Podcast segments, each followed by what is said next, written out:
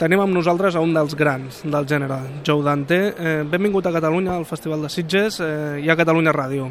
Enhorabona pel, pel premi que li han donat. Eh, vostè és un, un mestre en un festival com aquest i crec que és molt bo no? que, que gent del seu tamany eh, vingui a recolzar pels diferents festivals del món aquest gènere que és tan estimat. Well, this is my third time at Sitges. Uh, I came in uh, 2000, 1998, and then I came back in 2005.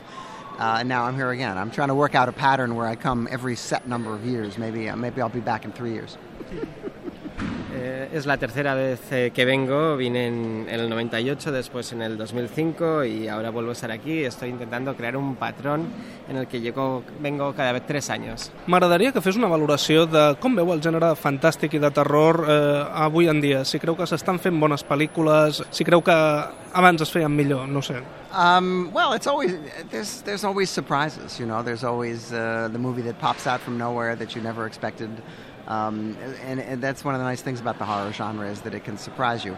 Um, they, it, it, tends to uh, stagnate a little bit right now. I think we're into a lot of uh, eye popping and tongue ripping and uh, stuff like that. That uh, I think go, a little of that goes a long way.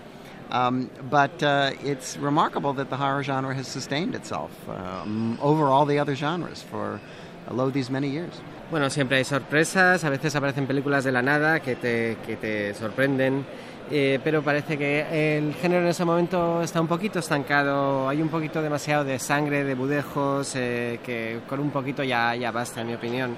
Pero bueno, eh, seguir haciéndose cosas interesantes.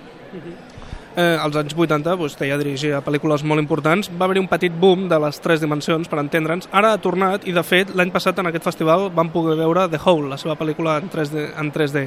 M'agradaria saber si li agrada aquesta tecnologia, si pensa que realment eh, pot fer que el cinema no s'estan no quitant, que deia ara mateix, no? Well, I think 3D is a really useful tool. Um, that much like widescreen was or Technicolor, um, for telling a story, I don't think it's appropriate for every movie. Uh, and we used it in the Hole because we thought it would enhance what was a rather small scale story. Um, I think, unfortunately, the the uh, avalanche of phony 3D movies that are converted from from flat movies has turned off part of the audience, and I was hoping that there would be a uh, a renaissance of 3D because this system is so much better than all the previous systems. But uh, I'm just afraid they're going to kill it off because of sheer greed. They add $5 to every ticket, and so they want to turn every movie that they make after the fact into bad 3D. Es una herramienta como lo fue el Cinemascope, no es eh, adecuada para todas las películas. En The Hole pensábamos que podía aportar a la historia porque era una historia de pequeña escala, pero ahora la avalancha que hay de versiones eh, adaptadas de películas eh, en 2D que se transforman en 3D puede que esté ahuyentando un poquito al público. Yo esperaba que esto pudiera ser un renacimiento del 3D porque la técnica es muchísimo mejor, pero por eh, pura avaricia, por el hecho de que añaden 5 dólares a, a cada entrada, pues se está abusando un poquito i no s'està haciendo com se tiene que hacer. Estic segur que en aquest festival hi ha molts directors que l'han tingut a vostè com a referència, com a mestre, però curiosament eh, coincideix la seva estada aquí amb la de Roger Corman, que quasi d'alguna manera es podria ser que, que va ser un dels seus mestres, no? Què, què li sembla això? Well, I have a number of friends of mine here, and uh, I, I, that's one of the great things about this festival is I always run into people that I like. Uh, Roger was uh, gave me my first job along with a lot of other people, and uh, taught me an, an, incredible amount about making films, uh, lessons that I still use today. Uh, and I actually uh, recently went full circle and worked for Roger again uh, last year doing a webisode series called Splatter uh, in for no money and no time, just like the old days. And so it was very nostalgic and reminded me that I'm not as young as I used to be. Eso es lo que me gusta de ese festival, aquí hay muchos amigos míos y me encuentro con ellos. Eh, Roger Corman me dio mi primer trabajo junto con otra gente y aprendí mucho de él, recibí consejos que aún utilizo y eh, recientemente he vuelto a cerrar el círculo, he vuelto a trabajar con él, para, he hecho un, un episodio de, de internet de, que se llama Splatter y, y, con muy poquito dinero, muy poquito tiempo y me ha hecho sentir nostálgico y me ha hecho darme cuenta de que ya no soy tan joven.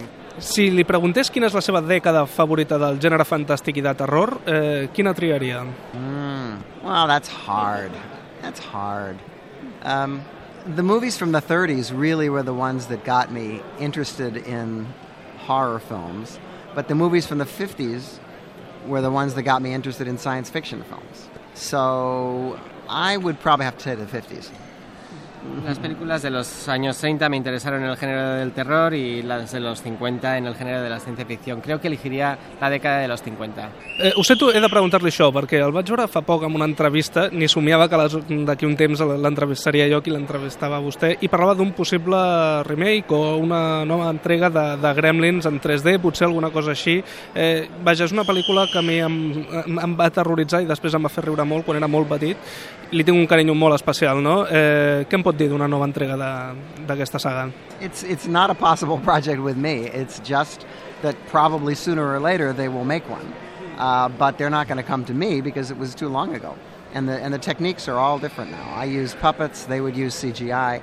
Uh, I don't know that the tone of the movie would be the same as the first two.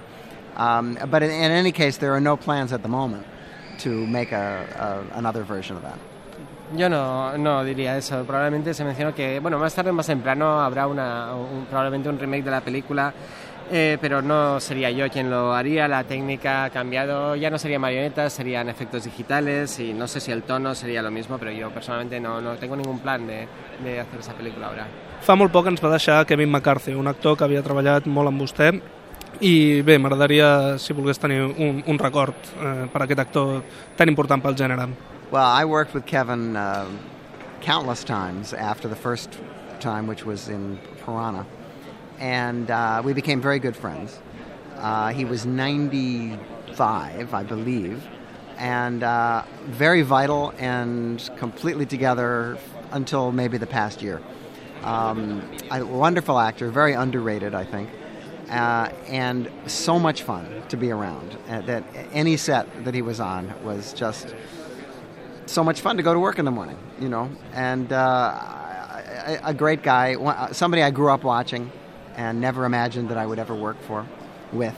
Uh, the first time I ever saw him was standing on the steps of Lincoln Center at my first New York Film Festival, and I was so impressed. It's a movie star sighting, you know. And uh, and uh, in the next couple of months, I'm involved in putting together uh, a tribute for a memorial uh, and uh, going through some footage and finding, making a, a little uh, memorial reel, which I'll do when I go home. He trabajado incontables veces con él, eh, somos muy éramos muy amigos, eh, tenía 95 años, eh, tenía mucha vida, estaba perfectamente hasta hace cosa de un año y creo que es un grandísimo actor, muy infravalorado, un hombre divertidísimo, genial para tener en los rodajes y bueno, fue una persona que yo vi en el cine cuando yo crecía y nunca soñé que trabajaría con él. La primera vez que le vi fue en el Lincoln Center en Nueva York, en un festival de cine. Y, bueno, recientemente, bueno, en los próximos meses voy a estar preparando una, una película conmemorativa para el tributo que se va a hacer a ese actor. Malauradament no tenim més temps, Joe Dante, però de veritat que ha sigut tot un honor i un orgull per mi poder entrevistar-lo perquè he crescut veient les seves pel·lícules i m'ha fet molt feliç la seva presència avui. Oh, thank you very much. Thank you.